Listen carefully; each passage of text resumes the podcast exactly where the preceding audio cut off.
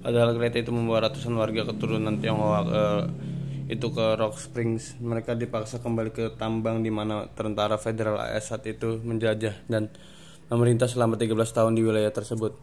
Wabah Fransas, San Francisco pada tahun 1900 wabah pes melanda San Francisco. Wabah itu diperkirakan menyebar dari kapal Australia. Namun karena korban pertama wabah itu adalah seorang imigran Cina, seluruh komunitas Asia di sana disalahkan atas penyebaran penyakit tersebut.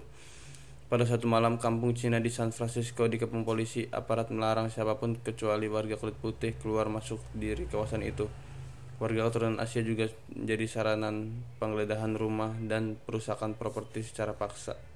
Momen ini disebut sebagai awal dari tindakan rasisme yang kembali menargetkan orang Asia Amerika selama pandemi virus corona berlangsung. Invasi Jepang pada 1940-an, puluhan ribu imigran Jepang dan warga Amerika Jepang mulai membangun kehidupan di negeri Paman Sam.